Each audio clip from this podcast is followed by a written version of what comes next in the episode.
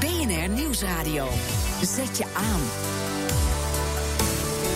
BNR Werkverkenners. De statusupdate, de brainstorm, de bila. Onze agenda's staan er helemaal vol mee. Meindert Schut. Maar kunnen we onze tijd nou niet wat beter besteden? Hoe zorgen we ervoor dat we minder gaan vergaderen? Daarover gaat vandaag het in BNR Werkverkenners. Het eerste woord is voor onze werkverkenners de elf mensen die we volgen... en die gezamenlijk een dwarsdoorsnede zijn van de arbeidsmarkt. Werkverkenners Update. In het bedrijf van Simone Vis heerste een enorme vergadercultuur. Op een gegeven moment leek het een beetje zo te zijn dat iedereen constant in een vergadering zat. Waarvan dan niet heel duidelijk kon worden afgemeten hoe effectief dan die vergaderingen waren. Waarom zaten er steeds zoveel zeg maar, dure mensen met elkaar te ver vergaderen als er dan ja, zo op het eerste gezicht niet zo heel veel uit leek te komen. Daarop heeft Simone voor het hele bedrijf regels opgesteld voor de vergaderingen. Het was eigenlijk om een soort bewustwording te kweken. Dat mensen zich echt uh, af moesten gaan vragen. Wie heb ik nodig? Wat wil ik gaan bereiken?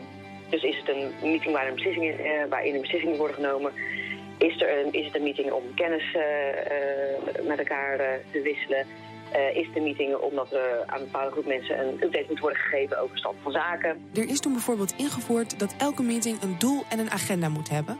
Dat doel moet bekend zijn bij het aanvragen van de meeting en materiaal en de agenda moeten 48 uur van tevoren beschikbaar zijn. Daarmee werd ook een verplichting gelegd aan de deelnemende partij dat er wel wordt verwacht dat die uh, voorbereid uh, bij de meeting komt aanzitten. En niet dat je gewoon een groep mensen hebt die bij elkaar in een ruimte zit.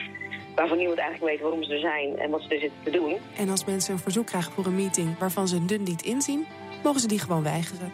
Dit was het weer voor deze week. Wil je meer weten over onze werkverkenners? Kijk dan even op de site bnr.nl/slash werkverkenners. Maar wij praten hier nog even door over de vergadercultuur. De bijdrage was van redacteur Laura Walburg. Mijn gasten vandaag Wilbert van Vree, oprichter van adviesbureau Vergaderwijzer. Welkom.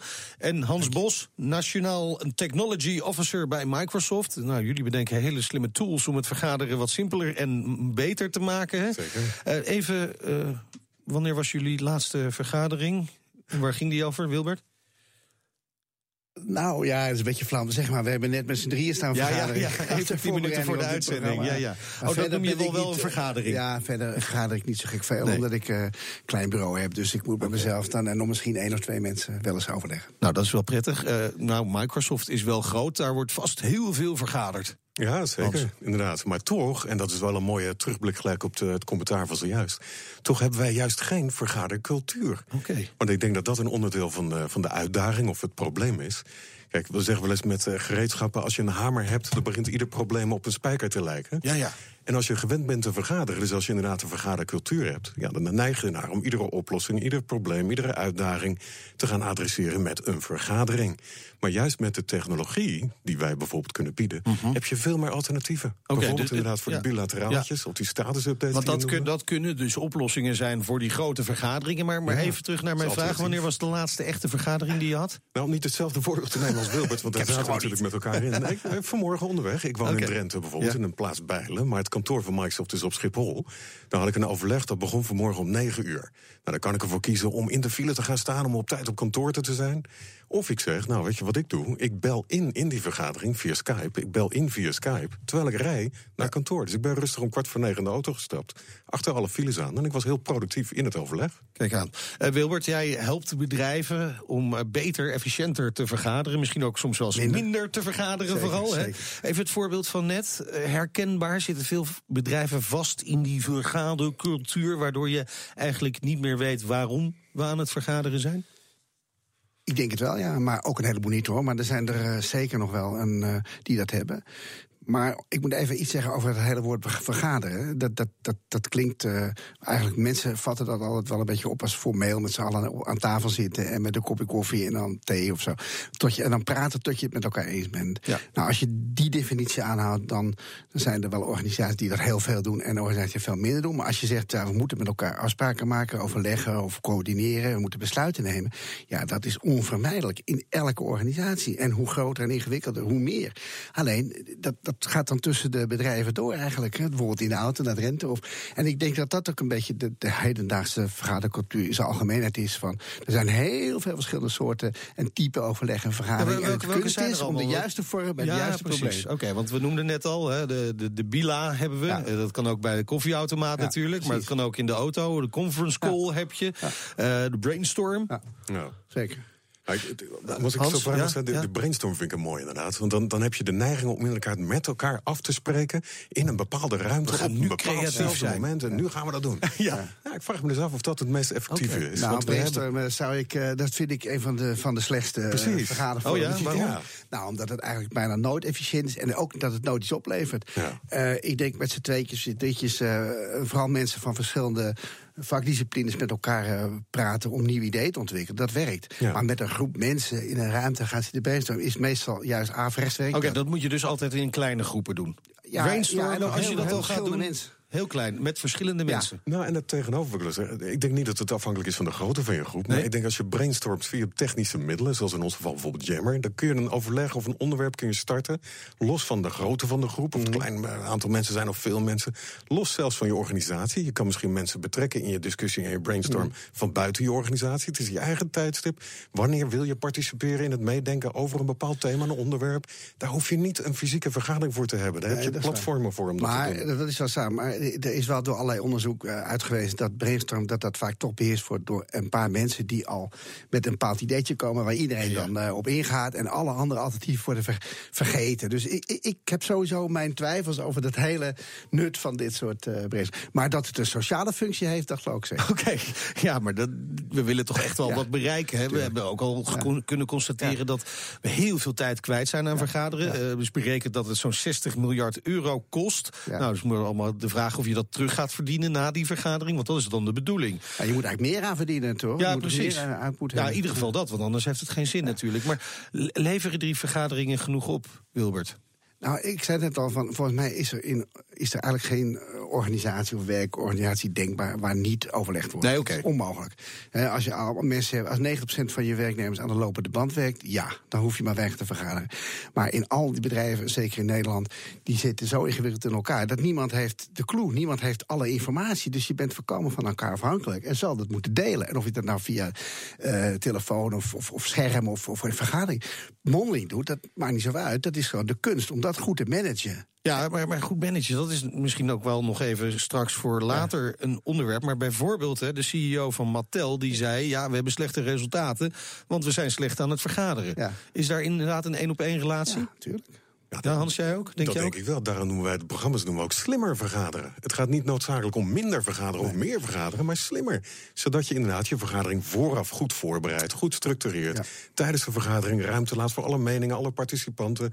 Mensen ook betrekt bij een vergadering die niet Maar fysiek dat klinkt aanwezig wel een beetje, iedereen zijn meninkje. Ja. dat klinkt wel een beetje als het poldermodel weer. Afhankelijk van het type vergadering inderdaad. Zit, zit het ook niet heel erg in onze cultuur? Nederland, polderland? Ja, nou ja, je kent toch wel die uitspraak van zet drie Italianen bij elkaar, je hebt een koor, zet drie Nederlanders bij elkaar, je hebt een vergadering. Ja.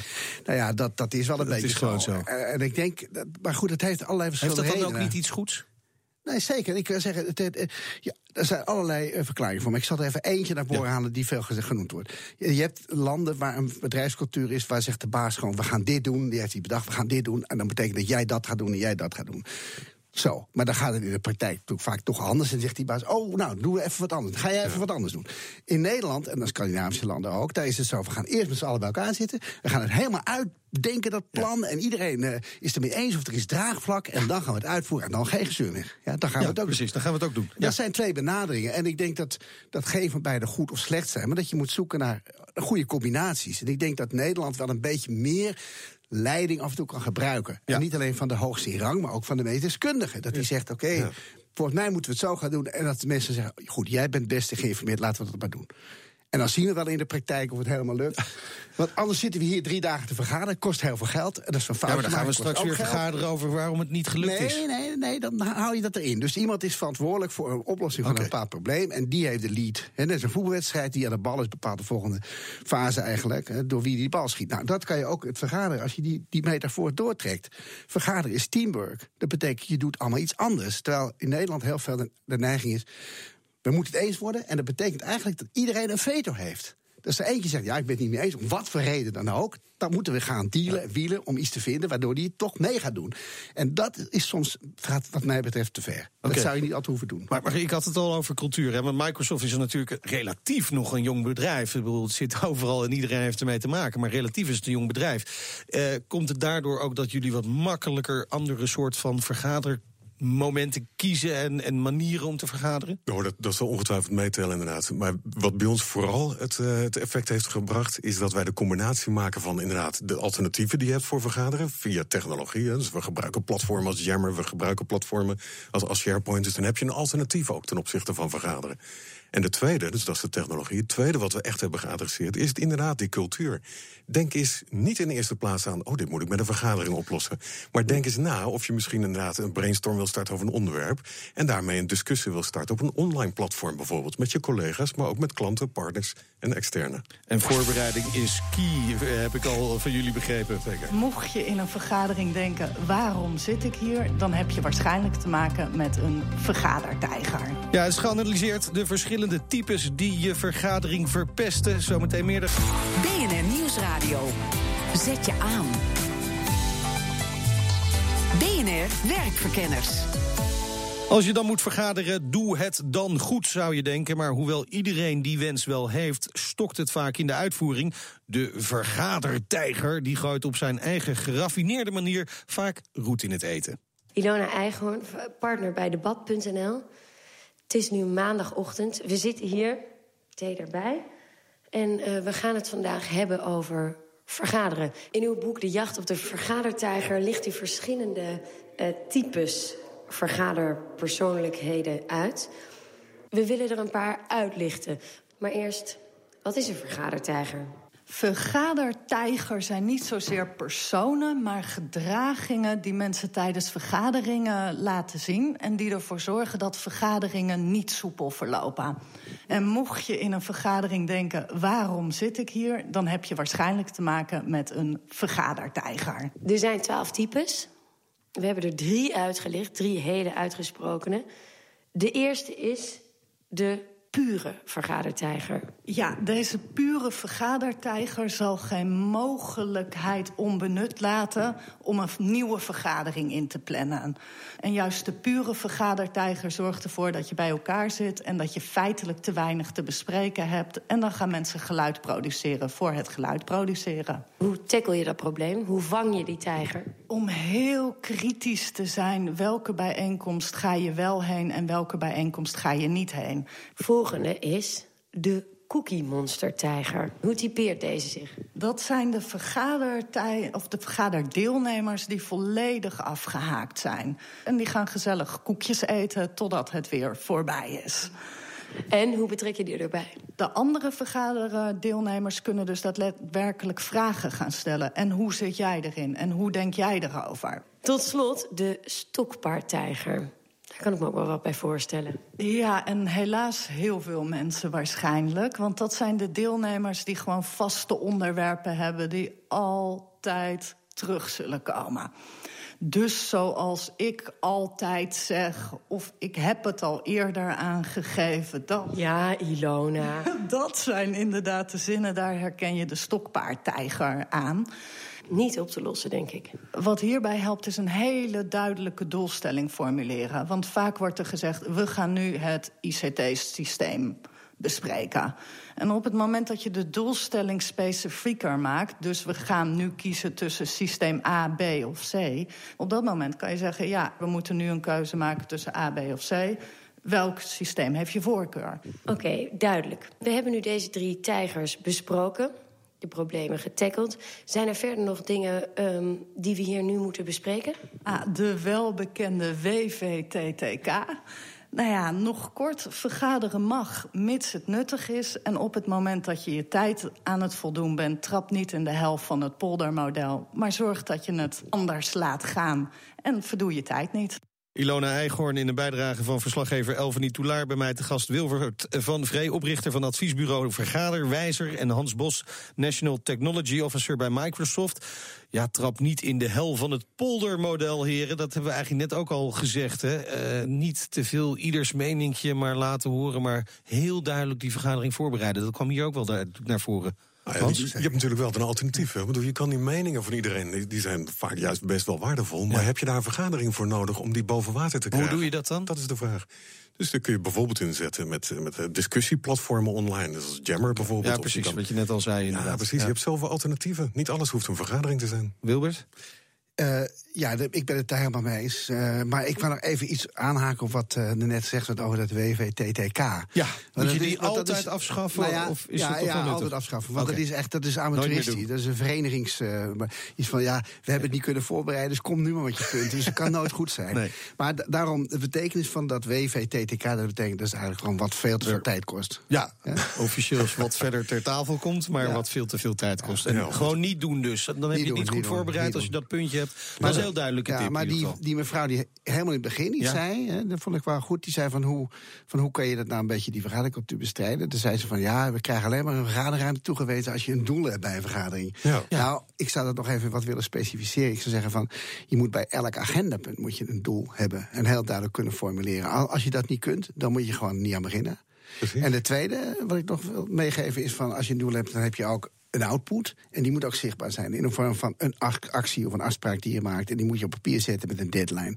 En dan heb je op het einde heb je een lijstje van dat hebben we besproken, dat is de output. En dat geeft een goed gevoel. Ja. Uh, mensen kennen heel veel van die ergernissen van vergaderen. We hebben net al een paar van gehoord. Uh, mensen tunen out, worden inderdaad cookie monster tijger. Maar, maar even een paar van die, van die ergernissen op een rijtje. Er is een soort top 10 van. even jullie reactie. Tijdrovend. Vergaderingen kosten te veel tijd. Lopen ook nog bijna altijd uit. Ik kan in ieder geval garanderen dat deze vergadering niet gaat uitlopen. We moeten eruit straks, maar uh, herkenbaar. En hoe los je dat op? Een planning maken. Dus echt maken. inderdaad heel simpel. een agenda voor je vergadering met doelstellingen die erbij zitten. Tijd. En, en dat is afhandelen. Ja, en tijd afspreken. Tijdplanning. Maar misschien niet per punt, maar in ieder geval wel per 20 minuten, zeg ik altijd maar. Maar wat ook heel belangrijk is, en dat, dat mis ik even bij de types, dat is namelijk het type vergadertype voorzitter. En die heb je ook heel hard Die is natuurlijk wel heel belangrijk. Ja, ongehoord belangrijk. Juist voor die structuur en voor die tijdbewaking. En mensen meenemen van, uh, ja, is heel interessant wat je zegt... maar gezien de tijd wil ik vragen of het nu toch af te ronden. Ja. Uh, zulke dingen moet gewoon gezegd worden. Omdat iemand die aan het woord is, vergeet helemaal de tijd. En dat is heel menselijk. Dus je hebt gewoon een soort bewaker nodig... die de orde, ja. de regels die met elkaar besproken hebben, Precies. bewaakt. Maar, maar eh, over, over die, de, de voorzitter hè, van zo'n vergadering. Want dat is natuurlijk wel interessant. We hebben het net over gehad dat je een vergadering goed moet voorbereiden. Nou, zo'n voorzitter dus meestal ook wel de baas van die mensen. Hè? Dus die heeft eh, al lang bedacht, ik wil dit eruit krijgen uit die vergadering. Maar ja, als die vergadering de andere kant op gaat... Nee, maar daarom is het zo belangrijk dat je het doel goed formuleert. Dus als die voorzitter zegt van kijk, ik wil die kant op. En ik, voordat ik definitief beslis, wil ik nog even van jullie horen wat we. En dan, is, dan voelt niemand zich genaaid. Dan, is mensen niet, dan zijn mensen niet teleurgesteld als hij toch het andere Precies, beslist. Want dan zeggen ze van ja, ze zitten de hele tijd te, te, praten en dan doen ze toch wat ze willen. Dat, dat moet je. De schijndemocratie. Dat is één van de grootste problemen in vergaderen in Nederland. Dat mensen denken dat vergaderen iets democratisch is. Het hoeft helemaal niet. Nee. Dat mag wel. Maar in werkverband is het eigenlijk dat kan helemaal niet, want je hebt daar een hiërarchie in termen van functie Onze en deskundigheid. De eerste hoofdredacteur hier zei altijd: je mag alles zeggen, maar het is geen democratie. Um, Hans, jullie zijn van de technologie bij Microsoft. Uh, tegenwoordig heeft iedereen een stuk technologie in de hand of om de pols. Hè, dat kan allemaal gebeuren. Um, ja, dat zijn vaak ook afleiders.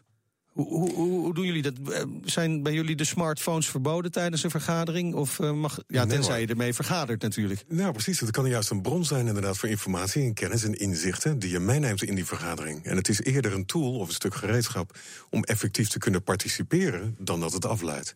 Maar het vergt natuurlijk wel een stukje zelfdiscipline. Want de technologie is technologie. Maar uiteindelijk heb je altijd nog te maken met mensen en processen. Ja. Dus in ons geval bijvoorbeeld faciliteren we heel veel via die technische middelen. Maar instrueren we ook nog steeds de mensen over het adequate en goed gebruik daarmee. Maar Hans, dus bedoel je, want dat denk wat jij zegt ben ik mee eens. Maar ik denk wat je wel iets af moet spreken vandaag. Geen telefoontjes tijdens de vergadering bijvoorbeeld. je moet een paar dingen afspreken. Ja, je, je houdt vergaderetiketten. Hè? Dus bijvoorbeeld als ik een vergadering plan nu bij Microsoft, dan eh, stuur ik een uitnodiging in Outlook. Dan zie ik gelijk voor iedere deelnemer die ik uitnodig, of die wanneer die persoon beschikbaar is. Ik koppel daar onmiddellijk een Skype-uitnodiging aan, gaat vanzelf. Ik koppel daar een SharePoint werkruimte in, zitten de, de documenten vooraf allemaal in. Dus dan heb ik een heel efficiënte vergadering gepland op Het gaat dus allemaal om afspraken, afspraken, afspraken. Heren, tot slot, heel kort. Mensen die straks nog een vergadering in moeten en er als een berg tegenop kijken. Eén simpele tip. Wilbert. Nou, zorg dat je zoveel mogelijk interactie hebt in de vergadering. Dat iedereen uh, veel lekker met elkaar uh, in gesprek is. Dat, dat geeft energie. Okay. Hans? Ja, en misschien voor de komende vergadering is te laat, maar voor alle volgende vergaderingen stel de voorzitter de vraag: waarom heb je me uitgenodigd? Kijk, dat lijkt me een hele goede vraag. Ik uh, dank mijn gasten Wilbert van Vree, oprichter van adviesbureau Vergaderwijzer, en Hans Bos, National Technology Officer bij Microsoft. Ja, en deze uitzending zit er dan bijna op deze vergadering. Maar u krijgt van ons natuurlijk nog de wekelijkse arbeidstips. Vandaag, hoe doorbreek ik de sleur op mijn werk? Werktips. Tip nummer 1. Zorg dat je een interessant persoon bent. Leiderschapstrainer Manfred van Doorn. Mensen die last van sleur hebben, zijn misschien zelf ook wat sleurmatig. Zorg dat je elke dag iets nieuws doet. Zorg dat je mensen verrast.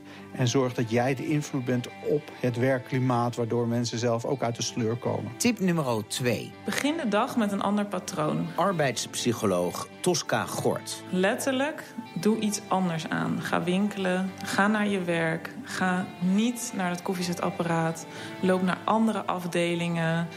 Ga in gesprek met andere collega's. Ga eens een keer niet naar die vergadering. Pak andere projecten aan. Oftewel, ga gewoon aan de slag. Wees geen slachtoffer. En doorbreek die sleur ook echt. Tip nummer 3. Neem ontslag. Omdenkfilosoof Bertolt Gunster. Echt ontslag nemen. Het leuke is, dan is je leven zo ongelooflijk overhoop getrokken. Dat is niet alleen de sleur op je werk doorbroken, maar de sleur in je hele leven.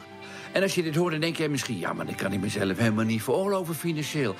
maar dan moet je het juist doen. Dan kom je in zo'n enorme crisissituatie. Dat wou je toch? Je wou toch spanning en sensatie? Nou dan. Hoe kan je nou en geen sleur willen... en tegelijkertijd zekerheid willen hebben? Zekerheid is sleur. Ja, en dat uh, waren de tips verzameld door verslaggever Jigo Krant. Uh, ook te, te vinden via onze site. Tot zover deze uitzending van Werkverkenners. Volgende week zijn we er natuurlijk weer. Check ons tot die tijd op werkverkenners.nl.